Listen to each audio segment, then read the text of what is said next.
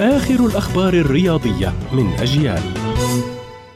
أهلا ومرحبا بكم إلى موجز لأهم الأخبار الرياضية.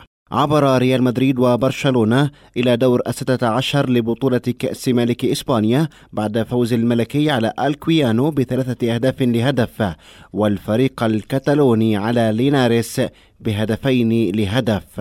تمكن تشيلسي من وضع قدم في نهائي كأس الرابطة الإنجليزية بعد فوزه بهدفين نظيفين على توتنهام في مباراة نصف النهائي التي لعبت على أرض ستانفورد بريدج معقل تشيلسي.